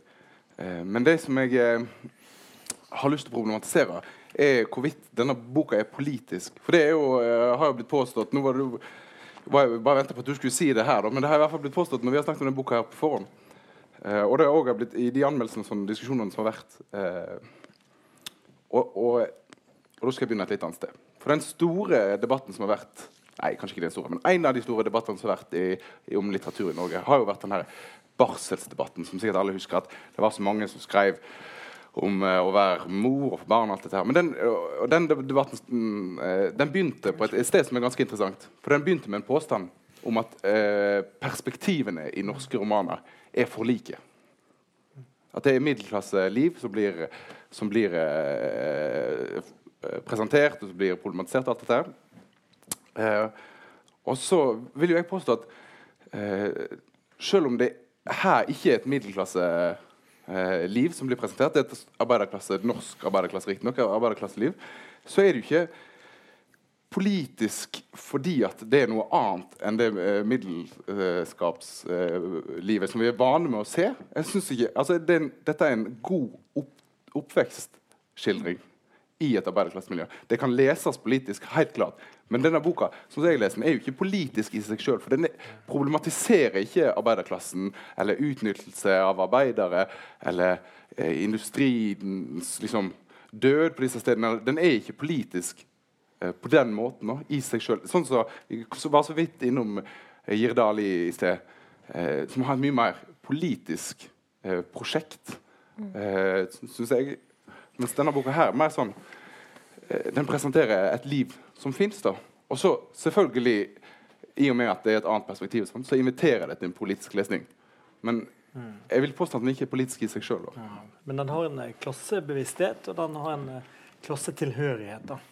Eh, I motsetning til veldig mange andre bøker. da. Så det, det, kan- det, jeg tror det, det er nok til å være politisk eh, i, i norsk poesi. da.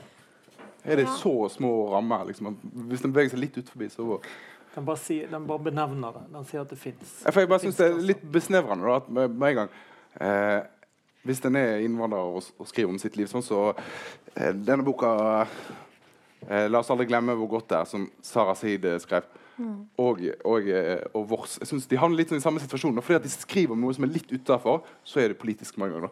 Mens det er jo så mange andre interessante perso- Det er jo først og fremst liv som blir beskrevet. Begge de to er jo sånne oppvekstskildringer i diktform. da. Jeg syns vi fort henger oss opp i Men og nå jeg- gjorde jo ikke du det, da. Men, eh, men altså, diskursen rundt begge disse to bøkene har vært Å, her er det politisk eh, Men da må jeg få lov å spørre hva som kreves for at man skal kunne kalle noe politisk. Altså den Klasseanalysen som finnes der, er veldig tydelig.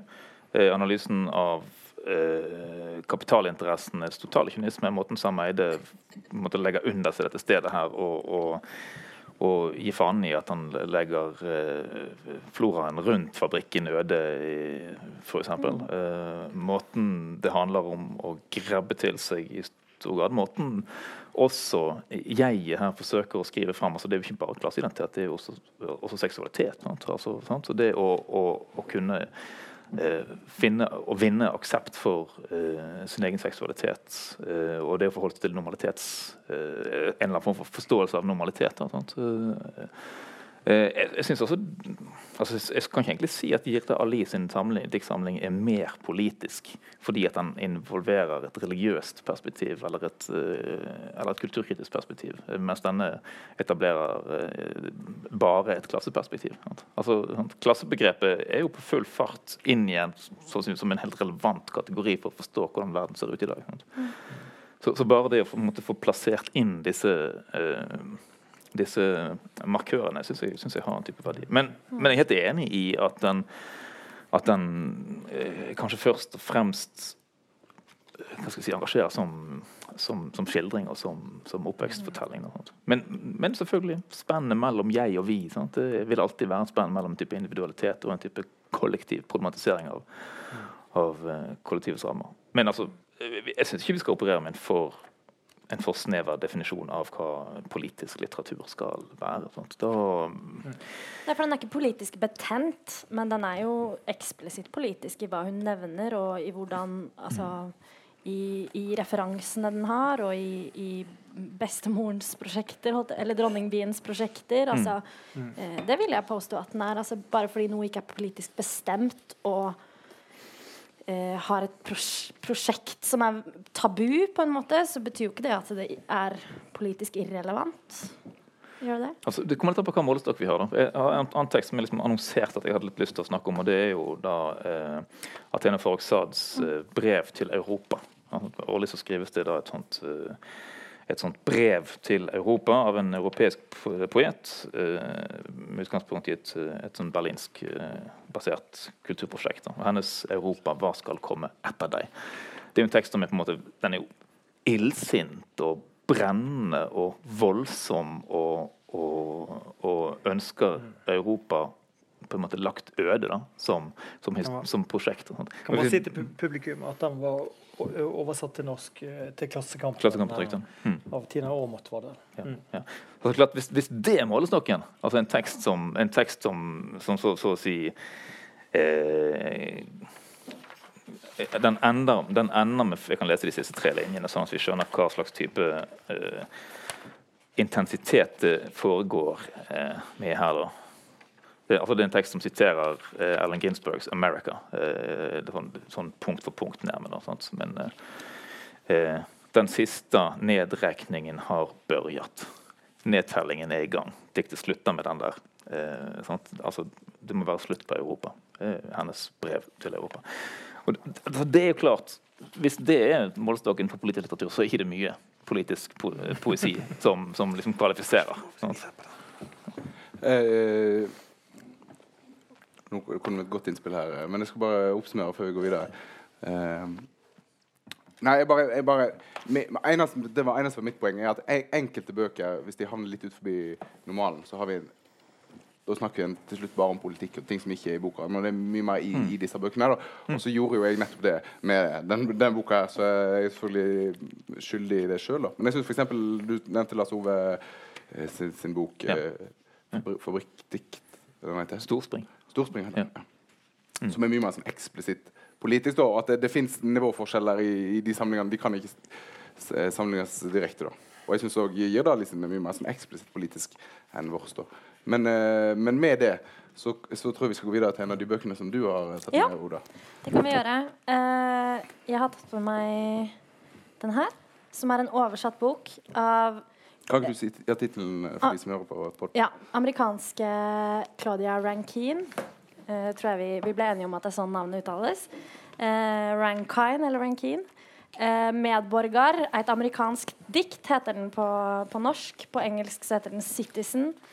Uh, An American Lyric. Uh, og på forsiden så ser vi da, uh, som jeg tenker er ganske relevant, at det er en, det er en hettegenser. Hette på en hettegenser der hetta er avkutta. ja.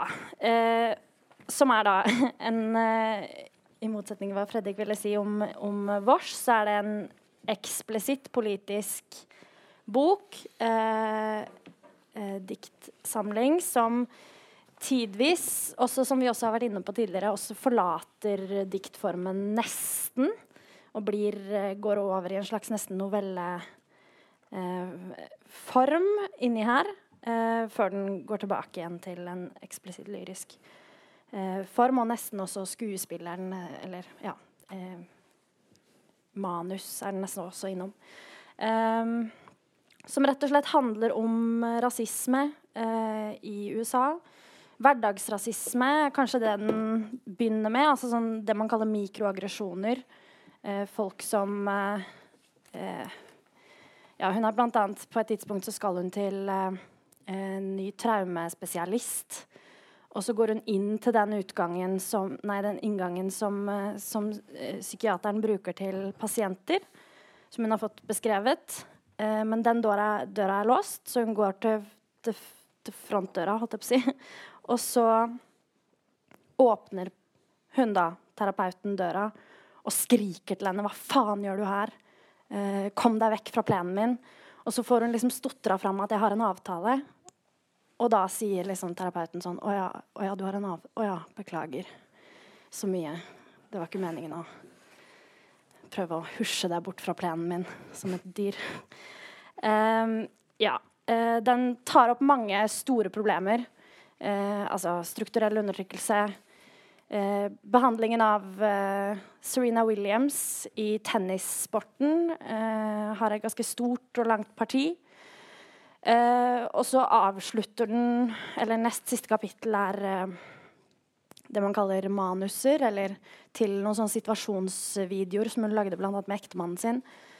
Um, som, som eksplisitt nevner navn på amerikanere som har blitt drept av politiet eller mishandla av politiet. Uh, på falsk grunnlag satt i fengsel. Eh, den type ting. Jeg vet ikke hvor mye jeg skal introdusere. Er du, som nett så mye som du har, lyst til. Ja. Jeg tenker at Ja, den, den har et den har et tydelig preg i det å føre leseren inn i hvordan rasisme føles på kroppen. Eh, hvordan, det, hvordan, det, oppleves, rett og slett. Og, og går av og til rett inn i, i fysiske, fysiske, reaksjoner.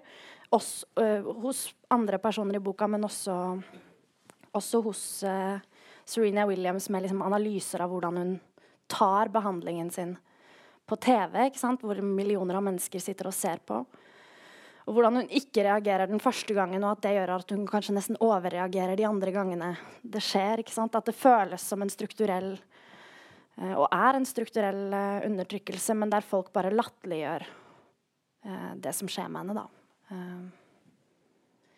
Og ikke tar det seriøst. Og at det ikke blir tatt, tatt seriøst av, av, noen av de som er der for å Altså verken myndigheter eller Ja. Nå tok så kontroll sist, jeg, så kanskje, kanskje en av dere har lyst til å begynne eh, samtalen her, eller kommentere på den her? Eh, nei, det var en e- enormt sterk bok eh, å lese, da. Det, så man, man, man kan føle på det raseriet, da. På sin hvit privilegiemåte, selvfølgelig. Eh, som man ikke unngår, da. Eh, men eh, nei, det, det er virkelig en oppvekker da, på, på mange måter. Men, eh, men eh, også rent poetisk, selvfølgelig. Også, hva, hva, altså det, det perspektivet, det raseriet, må- det, det er klart det finnes her. Og jeg vil gjerne se den stemmen. Jeg vil gjerne at den stemmen skal finnes uh, et eller annet sted. Og at den skal få Eh, Så det, det, Ja, og, og, og litt videre, da. Altså, eh, sant? Du har, du har, I tillegg til rasismen så finnes det en hel haug med andre. Uh, sant? Sexismen med, med altså prekariatet, altså fremveksten av mangler, ordninger og tjo og hei. sant? Altså Hvordan man blir redusert som menneske på mange ulike vis. Og at, at, at et uttrykk for dette må etter hvert begynne å finnes eh, også i poesien og i litteraturen. Da. Og at det, at det finnes forsvinnende lite. da. Så det er klart at når, når, man, når man tar tak i en sånn middelklassedebatt, og, og sånn og sånn, men, men man må jo ha et språk til å og Man må jo etter hvert man må gestalte et språk til å ha den stemmen. Og ha den, ha den, ta den autoriteten og ta mikrofonen og, så, og si, si den stemmen. da. Og det er ikke så jæv, jævlig lett eh, heller, det. altså. Eh, og, og man har liksom ventet på de stemmene, at, at de skal komme, og sånn, og sånn, men så har ikke de helt kommet. De har, det har vært sterke svenske stemmer, sterke, sterke danske stemmer, som virkelig har, har rystet uh, litteraturen der. Og så har ikke det eh, Men nå føler jeg at, at det, det er litt på vei også i Norge. da. Mm. det, det kommer noe som virkelig kan, kan vokse seg sterkt, og det er velkomment, for å si det mildt. Ja, for jeg, jeg tenker dette er en sånn bok som eh, eh, Nå snakket vi veldig mye om det politiske i sted, og det, og det, for alle, det er ikke det jeg vil eh, jeg vil ha først og fremst i min poesi. Da. Det er bare med sin egen smakssans. Og dette er en bok som veldig fort kunne, kunne gått for langt i sitt politiske sånn agenda og prosjekt for meg. Da. Men jeg syns at språket er såpass godt at jeg, jeg er med hele veien. Jeg er empatisk med stemmen hele veien. Og, eh, og, og, så jeg, jeg må si det. Jeg syns det er en, det er en godt, godt, veldig godt gjennomført bok. da. Så er den jo diskuterende. Sant? Altså, den er, den er Det er jo aldri Det er kanskje det som er det fascinerende med den. Hvis hvis vi ser bort fra den rent sånn formmessige diskusjonen om dette skal kvalifiseres som altså om, I hvilken forstand det er poesi, i hvilken forstand det er seistikk. For den ligger et sted i, i, i, mellom imellom, der. da. Men den er hele tiden reflekterende, hele tiden eh, diskuterende. Sant? Jeg har sittet og sett på på Serena Williams eh, opptak i, i hele ettermiddag. Nettopp fordi, at, nettopp fordi at det, det er jo en slags altså en slags, hva skal man kalle det, da? en slags kombinasjon av sinne, innlevelse og, og entusiasme. Altså Når Rankin skriver om Williams sitt, sitt raseri. Altså at hun liksom slipper det løs. sant? Fordi hun er den første som, som sier ikke sant, på altså Det finnes så mange Det der ene klippet er jo kjempekjent, som, yeah. som har gått rundt i lang tid. When are you gonna give me my apology? Yeah. Altså Hun sier rett ut 'du skylder meg en unnskyldning'. Det er den, det er den siste tredje gangen. Men den andre gangen det er da hun sier til hun eh, dommeren som dømmer fotfeil på henne i semifinalen i US Open, der en advarsel vil føre til at hun mister poenget og da hun taper kampen. Eh, I'm gonna stuff the ball down your fucking throat, you fucking imbecile, sier hun til eh, linjedommeren. Og det er da på en måte nok til at hun eh, taper kampen. Men, men, men, men, det fascinerende med dette er at langt for det men det, jo, nei, det er det hun sier til akkurat linjedommeren. Der, hun har sagt om verre ting ellers, men det er mer enn nok til å tape kampen mot uh, disse stive, eh, stive veldig hvite uh, dommerne og tekniske folk. Men, men det interessante med denne teksten til Rankine da, er jo at hun, når hun beskriver sine egne konfrontasjoner, hele tiden beholder kontrollen.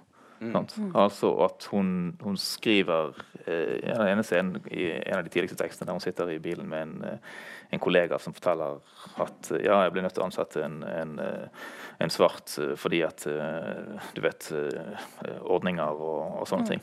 Og så, og så tenker hun skal jeg sitte her og bare høre på dette. Ja. Eh, sånn helt som om dette er helt greit, som uten videre.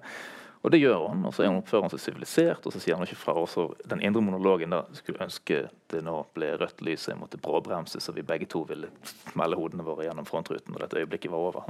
Altså Det er en sånn Men også den utilgiveligheten overfor seg selv. Altså sånn det, altså alle de gangene hvor hun ikke står opp for seg selv, for det er mange ganger i løpet av boka, ikke sant? så er hun alltid jeg vet ikke om hun er sint på seg selv, men det er i alle fall en voldsom selvransakelse etterpå. ikke sant, som foregår. Som hvorfor, hvorfor sa jeg ikke noe? Hva, og hva ville det medført?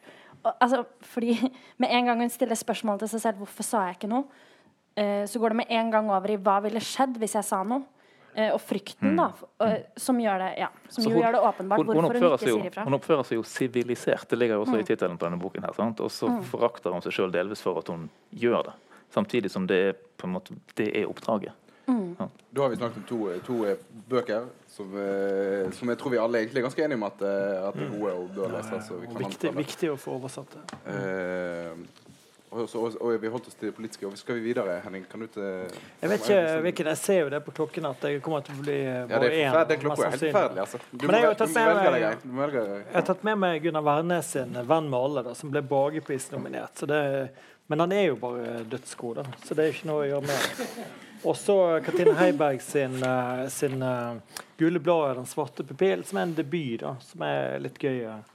Uh, så jeg vet da faen det er, altså. Det er jo egentlig samme boken. da. Ja, det- hvis man det. Da tror jeg vi skal ta tak i den påstanden.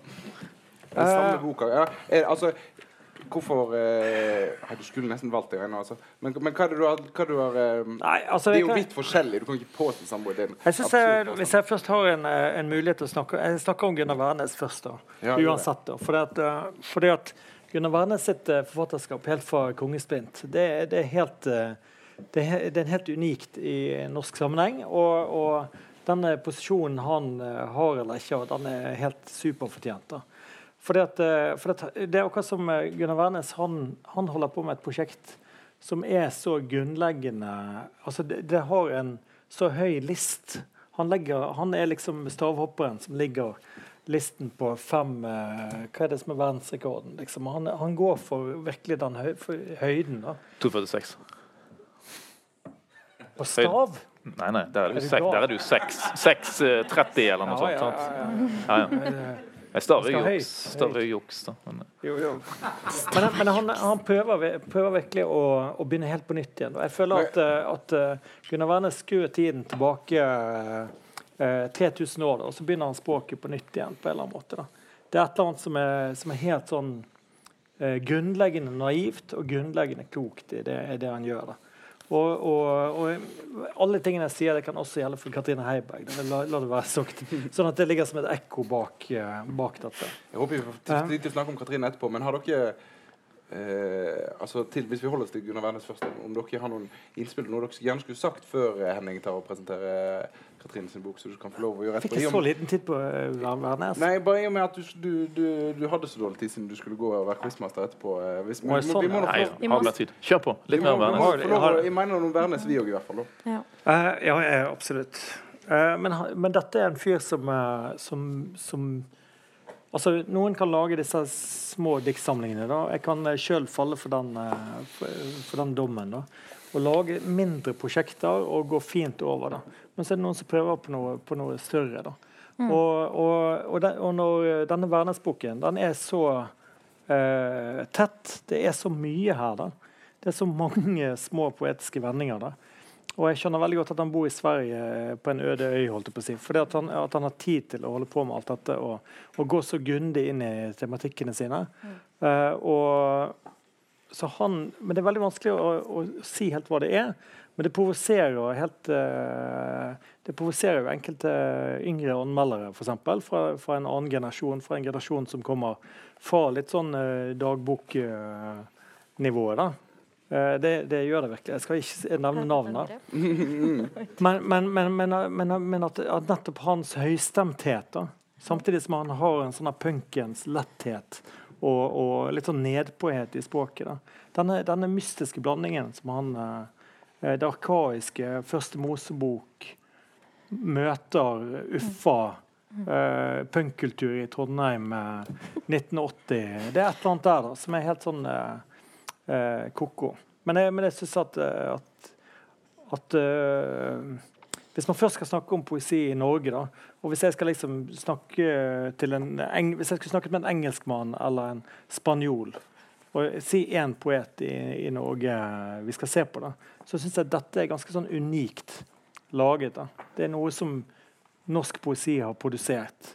Ut ifra mange forskjellige ting. Jeg vet at Gunnar har vært, øh, øh, har vært øh, inspirert av Fredrik Nyberg, svenske ting. Absolutt. Men, men allikevel føler jeg at det er en sånn unik norsk stemme som har kommet.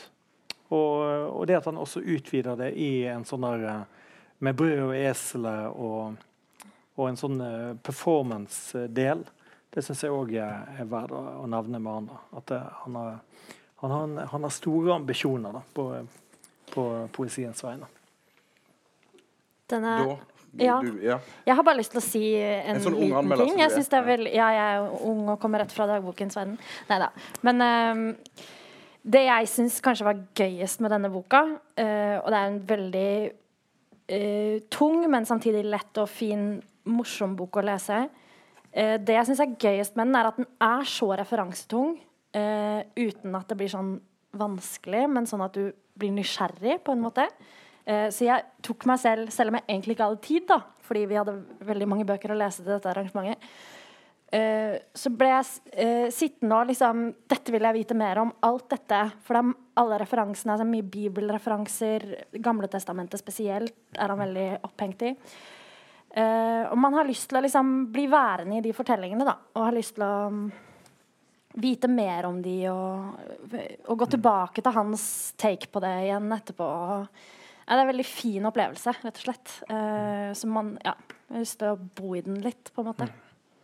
Ja, og tror hvis, hvis, noen her nå får inntrykk av at dette beveger seg på et litt sånn eh, lite konkret og, og abstrakt eh, nivå, så er, det, så er, det, av en helt bestemt grunn, nemlig at dette det er en sånn ja, altså en totalopplevelse, kunne man kanskje si. da. Eh, han har jo tidligere jobbet med, med tegninger og, og, tekst og integrert det på en, på en, på en veldig sånn dynamisk måte. og Det universet er jo på en måte i, i live her også. sant? Eh, Um, så det er et helt uh, ikke, poetisk sirkus uh, han har gående her. Eller verden, uh, hele verden som et slags sånn sirkus blåst opp og forstørret, og der er det plass til, til alt mulig. Og både groteske eh, voldelige scener som, som, på mange måter får meg til å tenke særlig den andre delen i boken, får meg til å tenke veldig på Kongesplint, på den første boken. Altså. Der, eh, der er det veldig sånn, tydelige, sterke og urovekkende asymmetriske relasjoner mellom fedre og sønner, eller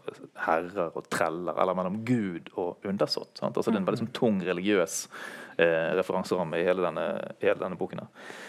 Eh, altså, jeg vet ikke Jeg også strever litt etter å finne ordene for å beskrive dette her. Det, men den, den, gjør noe som I tillegg til at han selvfølgelig da siterer den vakreste, vakreste linjen fra den fineste Donald Duck-serien som finnes. Donald eh, Jeg husker ikke hva heter serien, for Donald på fjellet. Skjenk meg en grav i det isgrønne hav, la bølgene kvele min gråt. Det er på en måte en umistelig del av min eh, barndom. Jeg er født i samme året som Værnes, Vernes, så det stemmer sikkert. sånn. Men han, altså det, han gjør noe sånn grunnleggende poetisk. da, altså sånn, Han snur hele greia på hodet, eller vrenger det, eller, eller altså det som vi måte, teknisk kaller underliggjøring. Eh, men han, han, gjør hele verden som, til en kropp som kan slaktes og vrenges og henges opp til tørk, sånn at hver lille bit av det språklige eller billedlige liksom får en, en type eh, Ja, en slags valør som vi kanskje ikke har sett han har hatt før. Mm. Så, så, å gi noen parafraser eller, eller sånn, referere hva som foregår her, det er, er klink umulig.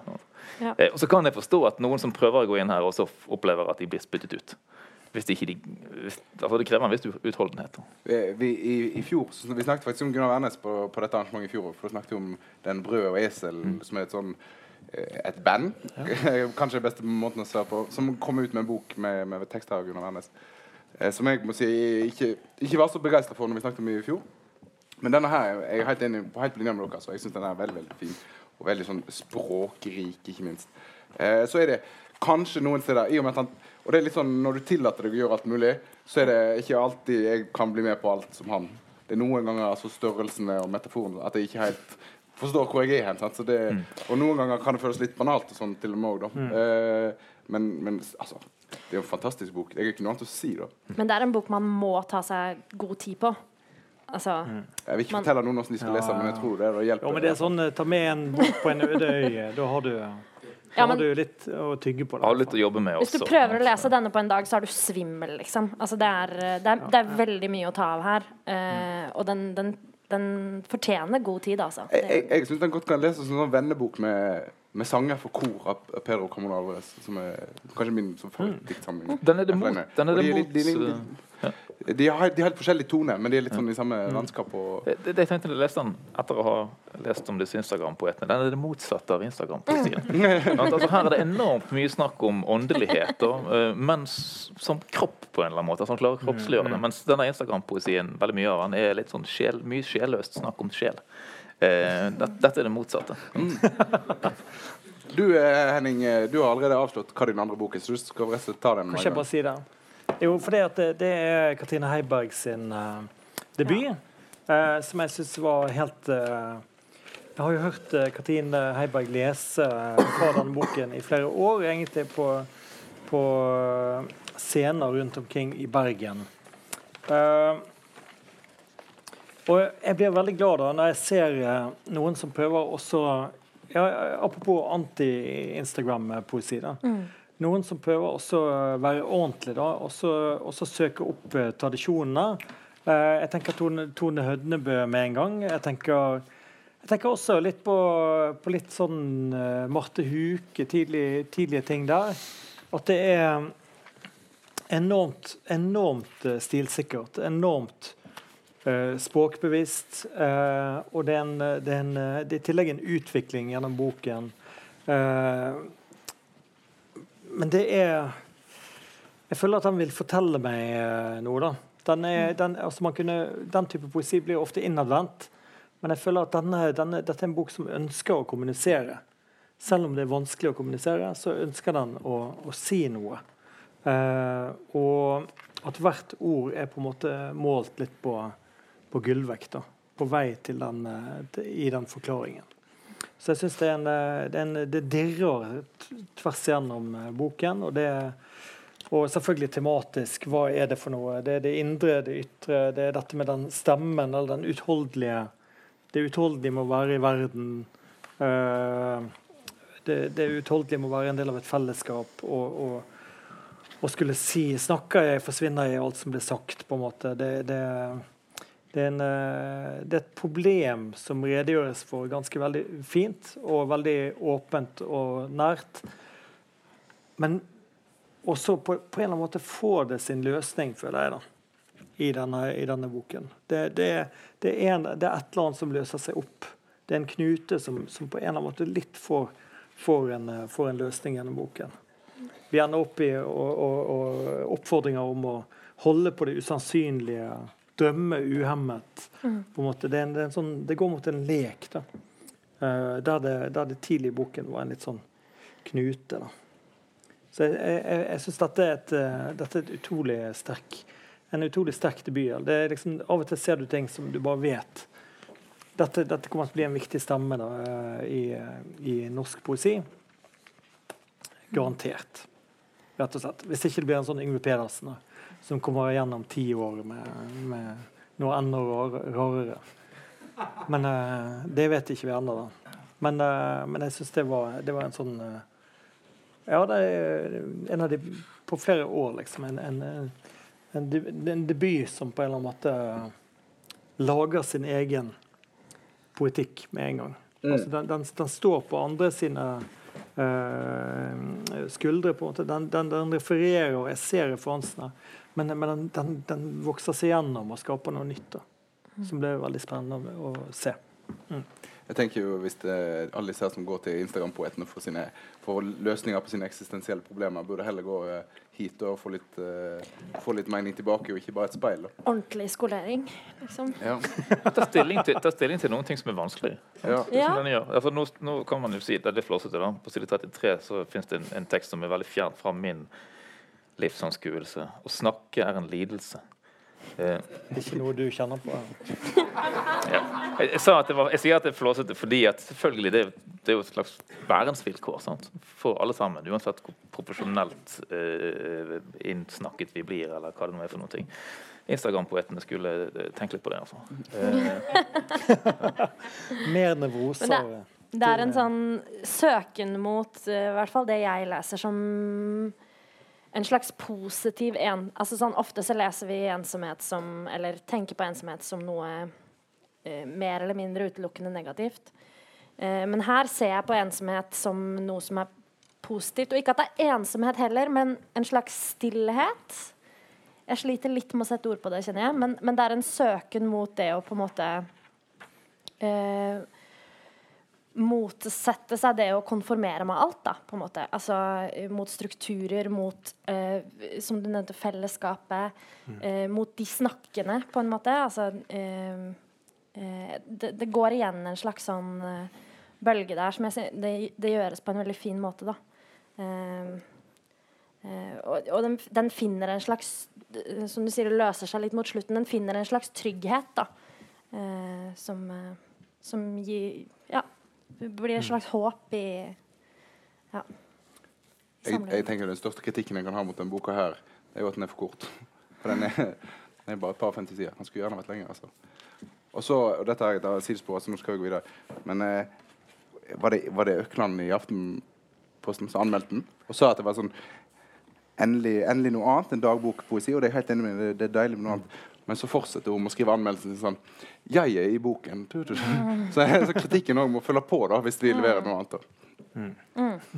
Skal, vi, skal, vi, gå videre til, Hvor er Var ikke du en?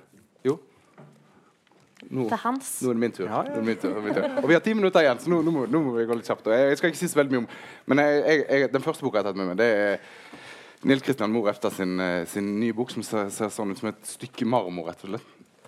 Eh, som heter 'Det vakre draperiene'. Eh, og den eh, og i, i, liksom av forlaget så blir den her eh, beskrevet som en eh, barokk diktsamling. Og det syns jeg er utrolig det betyr veldig lite. da, syns jeg. Det er liksom flå, flåsete reklametekst. da. Eh, for det er, rett, det er rett og slett det er nesten sånne forfengelige, sjølelskende dikt. På en, på en, veldig positiv måte, syns jeg. Altså, det er et sånt språk som er utrolig sånn vakkert, og som tillater seg sjøl og handler om, om, alt og ingenting, og bytter mellom temaer fra det personlige. Det er jo dikt om huset hans, og så plutselig havner vi et helt annet sted. Og, og, og, og, først og fremst er det bare utrolig fint konstruerte dikt med et språk som er utrolig vakkert, som tillater seg å snakke om det det, det sjøl vil snakke om. Eh, og som er en sånn bok som jeg bare Den her er eh, den kommer ut litt før de andre bøkene. Jeg, jeg, har bare gått tilbake til den og gått tilbake til den mange ganger. Altså, for den er så utrolig fint sted å være i da, og tenke i. Eh, og så er det litt flott med Hvis du er glad i figurdikt, og sånn, så, så er det godt løst. Altså, Diktene ser fine ut. Her, ikke at det skal noe si, men det har jo litt å si. Men den skulle være kort, og det er det som jeg har syntes Jeg vet ikke om noen som har noe innspill på den. Eh, hvis det er noen som syns den er bad, så vil jeg i hvert fall høre det. da. For jeg syns den er utrolig vakker. Det er, ja, rett og slett vakker. da. Den, den, den nyter meg jo ikke så mye motstand, kanskje, da, den, hvis en skulle ha en innvending. Den er først og fremst fin. da. Altså, men, men, jeg kan like det òg, da. Jeg skulle ønske jeg hadde bedre tid til å Jeg har, ikke, jeg har, brukt, jeg har brukt, bare noen dager på den. og Jeg skulle ønske jeg hadde mer tid til å, å plukke ting litt fra hverandre. For den er jo så på en måte, som et godt, en god barokk bok skal være. da spekket med sitater og referanser og, og, sånne ting. Og så sitter jeg og leter etter og Dette er kanskje bare litt sånn fåfengt, så, uh, men jeg sitter og leter etter noen sånn orden i sakene, eller systemer, eller sånt, sånn, som, sånn som han gjorde i sin uh, forrige bok. Sånn, er jo ja. en stramt komponert uh, bok med et veldig klart system. Den ser vill ut, sant? men den er utrolig, utrolig nøyaktig ordnet. Og her er på en måte annonsen at dette skal være overdådig og barokt. Han siterer eh, Borges på akkurat dette med det barokke eh, innledningsvis. da. Så det blir sittende og lure på ja, men hvor er orden hen? sant? Eh, og Det passer godt med at barokt historisk er et skjellsord, som han også eh, peker på her. Men, eh, men eh, ja, en sånn fascinerende ting som, uh, som jeg har sittet og tenkt på her, hvem ligner, hvem ligner dette på? Altså, hvem, er det som, hvem er det han minner meg om? Og flere steder så får jeg en sånn fornemmelse av at er, er det egentlig er det Georg Johannessen? Eh, som eh, innimellom denne blandingen av lærdomsdiktning eh, og, og, og, samtidskritikk eh, som finnes her. Så, så eh, jeg syns det er veldig fint, men, men den, er, den, er, krevende. da. Man må vikle den fra hverandre. og Samtidig som det der sporet som Repstad har vært på, der han på en måte først etter ganske lang tid tok liksom dette sprang og skrev om sitt eget. Skrev om sin egen, sin egen sykdomshistorie og sitt, sin, egen, sin, egen, kroppslige erfaring. Da. At det fins her mer som et slags ekko i denne mm. boken enn den har gjort i de to-tre foregående. Jeg syns det at han har sluppet seg løs, det er ja, virkelig styrke med boka. da. Så Wonder kommer var wonderful, den, mm. altså, men, mm. men, men, her det syns jeg det er enda et nivå opp. da. Ja. Og jeg synes, Du sa litt tullete, tolker jeg deg i hvert fall også, at Værnes og Heiberg var liksom like. De er jo like fordi at de er gode bøker, på en måte. Men, men her, men det dette ligner mye mer på Værnes, spør du meg, i leseropplevelsen. da, At den blir sånn der, å, det er sånn masse de deler det, referanser. De deler det barokke, da. Mhm. Enkelt og greit. Mm. Når jeg sa at uh, Værnes var lik Heiberg, så var det fordi at de begynner på et nullpunkt. For begge to, da. Det var det som, som gjorde at de lignet. Eh, nei, jeg, Mo Jepstad er et, et, forfatterskap som er helt utrolig spennende å, å følge. Og den vendingen mot hans, egen, eh, hans eget stoff, det var, det var, selvfølgelig veldig sterkt. Men det er desto bedre da, å se at han, når han da vender blikket ut igjen, så er han rett og slett en utrolig interessant tenker. Da. Han tenker i poesien sin, og, og, og det, det, det, er spennende å følge hans, eh, hans prosjekt. og, og og, ja, det er mange referanser her. Det, det, det, det er historisk ja, eh, og, og, også på filosofisk. Og, og, det er en Ja. Det er mettet, da. Og det er også et, en, en, verden unna den Instagram-poesien vi begynte virkelig, med. Virkelig. Mm. Og, og, men det tror jeg faktisk vi må, vi, vi skal avslutte. av. Men da vil jeg bare mm. til slutt, altså før du Du skal være quizmaster, Henning. Jeg skjønner at du ringer. Men, eh, men at at vi får en sånn super, super altså bare 30 sekunder eh, presentasjon av de bøkene som vi ikke fikk tid til å snakke om. Bare sånn at eh, folk veit hva som sto på lista. Eh. Ja. 30 sekunder. Ja, ja ish. ish. Jeg tror aldri jeg har uttalt en setning som er så kort. Eh, jo da, det har jeg. Eh, 30 sekunder om Gunstein Bakke. Og det er kjempevanskelig. Eh, håndbok.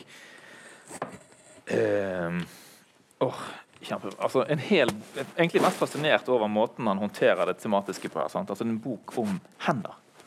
Eh, og, og, det han får meg til å tenke med disse diktene om hender, er jo at altså Det er jo hånden som er, den, som er det egentlig intime. Det er hånden som er det mest intime med mennesket. Ikke ansikt, øyne, munn. Det er hånden vi der, der all berøringen fins. Det er der alt Og dette måte, skriver han frem gjennom disse eh, fabuleringene sine. Eh, jeg syns det er men som kan bli overkant kryptiske? eller? Ja, de er litt kryptiske, men, men altså, nei, jeg syns det er kjempefint. For dette blir sittende og tenke på akkurat det. da. Hva gjør hånden? Jo, Hånden kjenner forskjell på 80 grams papir og 120 grams papir. Den, og den gjør alt mulig annet da, i verden. Eh, og, og, og og, det får han veldig flott uh, skrevet frem. Det var 30 sekunder. Ja. Oh, jeg kjenner at Den der hadde vi vært litt uenige om. så det skulle vi snakket om. Og det tror jeg kanskje vi hadde vært om den neste òg. Kan du presentere? prøve? Jeg vet ikke om vi hadde vært så For jeg er veldig delt på den, men jeg liker, jeg liker slutten av denne veldig godt. Uh, dette er Eldrid Lunden sin nyeste. Uh, det er bare et spørsmål om tid. Kalenderdikt 2014 til 2018. Og det som har skjedd, da, er at uh, mannen hennes, uh, som det står eksplisitt først her, Reidar Ekner til minne, han dør. Uh, og så er det på en måte hennes bearbeiding av sorgen da, etter etter, etter den Etter han. Etter den. Stygt. den er tidvis veldig fin. Ganske referansetung uten at det nødvendigvis Altså, altså eksplisitte referanser. Uten at det nødvendigvis alltid får gjort det det vil gjøre, tror jeg. Kanskje. Men så henter hun det Det jeg syns er mest interessant med den, da, er at hun henter det på en måte veldig inn helt mot slutten. Ved siste syvende kapittel heter 'Noen dager før'. Og tar for seg selve hendelsen, på en måte. Altså hvordan det er de dagene han dør, og hvordan hun er med han i de dagene. Eh, og den umiddelbare liksom, følelsen, opplevelsen rett etter. Eh, og det syns jeg er eh, fint. Jeg, jeg må nesten klare jeg klarer ikke la være å kommentere, da. Eh, og, eh, og jeg håper ikke folk tok meg i verste mening når jeg sa liksom, at Girdal får tilgang til, til kritikk og sånn, for det er at hun er den hun er. Da. Det, og det gjelder for så vidt litt eh, Edre Lund òg. Altså, det er noen Ja. som har liksom, tydelige personligheter. De får tilgang til å bli diskutert. Sant? Det var det som var mitt poeng i sted. Og, og, og det som jeg synes har gått igjen liksom, i, i, i beskrivelsen av Eri Lund-boka, er liksom dette her tapsmotivet. Eh, men så blir det sånn en gjør liksom helt ukritisk en sånn biografisk lesning, selv om en blir invitert inn med, til en viss grad. Men det er altså det første kapittelet og det, og det femte kapittelet som handler om disse tingene. Ja. Som er de beste, Ja. virkelig virkelig gode Helt enig. Mm. her. Mens de andre er litt mer sånn Går litt i forskjellige retninger. Jeg, klarer jeg er helt alltid med henne der, da. liksom. Mm. Eh, mens liksom eh, Jeg syns liksom i omtalen så blir alt lett sånn voldsomt sånn biografisk retning, som, som ikke er en eh, som hever kanskje noen av tekstene til et nivå der de, som de ikke Ja, fordi her er det en eksplisitt referanse, ikke sant? og det er det som er forskjellen. At sånn, det var ektemannen hennes, og han står på første side at det er til Ja, det står til han, og så er det noen som, som dør, og han snakker svensk. Det får skjønner vi og sånn. Ja. Og, og det er best når det holder på- på med de tingene som du gjør i den første og den femte eller siste Sju. avdelingen. Skjønner du? ja. Mm. Mens de andre avdelingene er litt mer sånn Ja, Litt mer vanskelig å få, få fatt i, syns jeg. da utflytende. Du, du nikker. Jeg er litt enig, ja. Uh, jeg tror ikke dette kan være Lunds beste eh, diktsamling. Altså. Eh, og jeg er litt usikker på hvor godt de, en del av disse tekstene, særlig de i, i, kanskje i midten der, vil tåle gjenlesing. Ja. De får litt sånn Litt store ord. Altså, sant? Ja. Altså, det er noen, Ja. av, noen av tekstene som beveger seg såpass langt bort fra det konkrete, som jo alltid har vært Lund sin, sin store styrke. Da. At hun klarer liksom å holde fast i det sant? Og, og begynne der, og så løfte det ut derfra. Den, liksom, den har erfaringene på, på en viss avstand. Altså det er noe med at det løftes ut i et slags sånt metafysisk rom, da, som kanskje foranlediget av den tematikken som, som er eksplisitt i, i disse sorgtekstene. Um, ja, men som en skal være litt kritisk til å ta inn Det må være lov. liksom, ja, jeg synes Mm. det, ja. det er vanskelig å skille forfatter Og det skulle vi, det skulle vi hatt et seminar om her. Forfatter, Og det spesielt i dikt der det er så lite tekst, så leser en veldig fort inn eh, Vi skulle jo forfatterfiguren. hatt mye bedre tid bare i dag også. Vi skal ha tre timer neste år. Sandra har lovt meg det. Men uh, vi skal gi oss, nå skal vi gi oss, og det skal jeg faktisk det skal jeg bare til slutt si. Eh, Det, altså Den siste boka som jeg har med det var Ja. Kasper André Lugg sin 'Tilgi det virkelig et blomstring'. Og da sier jeg bare eh, les, les den sjøl. Og så kommer kom Lugg til Rykslung til våren, og så, så snakker vi om den da. Eh, For den er veldig fin. Eh, og så gjør den noe som jeg egentlig hadde lyst til å snakke om eh, i første tre kvarterene våre. Unnskyld at jeg hijacker noen Nei, bare hijack. sekunder Bare hijack. Eh, Jeg som jeg, som jeg, hijacking. som jeg ikke eh, hadde, jeg har ikke inntrykk av at det er så veldig mye av det egentlig ennå, men kanskje det er det. Eh, men ekopoesi, som vi har en annen debutant eh, i år Nå snakka vi om Katrine sitt, eh, sin diktsamling, men Tora Sanden Døskeland, som også har kommet med en sterk debut, som er veldig fin, og som det er nesten ingen kritikere som har tatt det med i sine anmeldelser. Eh, men jeg tror det kommer i Klassekampen, iallfall. Uh, dette med Altså eh, Hovedpersonen i diktsamlinga hennes, da, eh, som heter 'Behold meg', eh, utgitt på oktober. Eh, måten hovedpersonen på en, på en eller annen måte bruker omgivelsene til å også forholde seg til menneskene rundt seg. Um, og at det ligger et slags sånn klimapolitisk spørsmål inni der. Da. Vi har jo vært innom alle disse temaene. Men, som også er eksplisitt politisk, Mm. vil jeg mene. Altså i det Helt enig. Det, helt enig. Det, finnes, det finnes også andre steder. Det finnes Mm. hos uh, Sigmund Løversen sin Jeg vet ikke hva vi kaller det for noe sånn uh, eh, low-key antroposen-tematikk. Eh, og det, det er en type, en type politisk eh, stemt poesi da, som, som, som det fins en del av etter hvert. Altså. Absolutt. Og da, men et, vi må rett og slett gi oss til å fortsette eh, og Hjemme hos dere fortsetter rett og slett eh, diskusjonen. Ta den, ta den videre. Les bøkene, diskuter. Eh, tusen takk, eh, Erik Vassenden, Henning Bergsvåg og eh, Oda. Takk.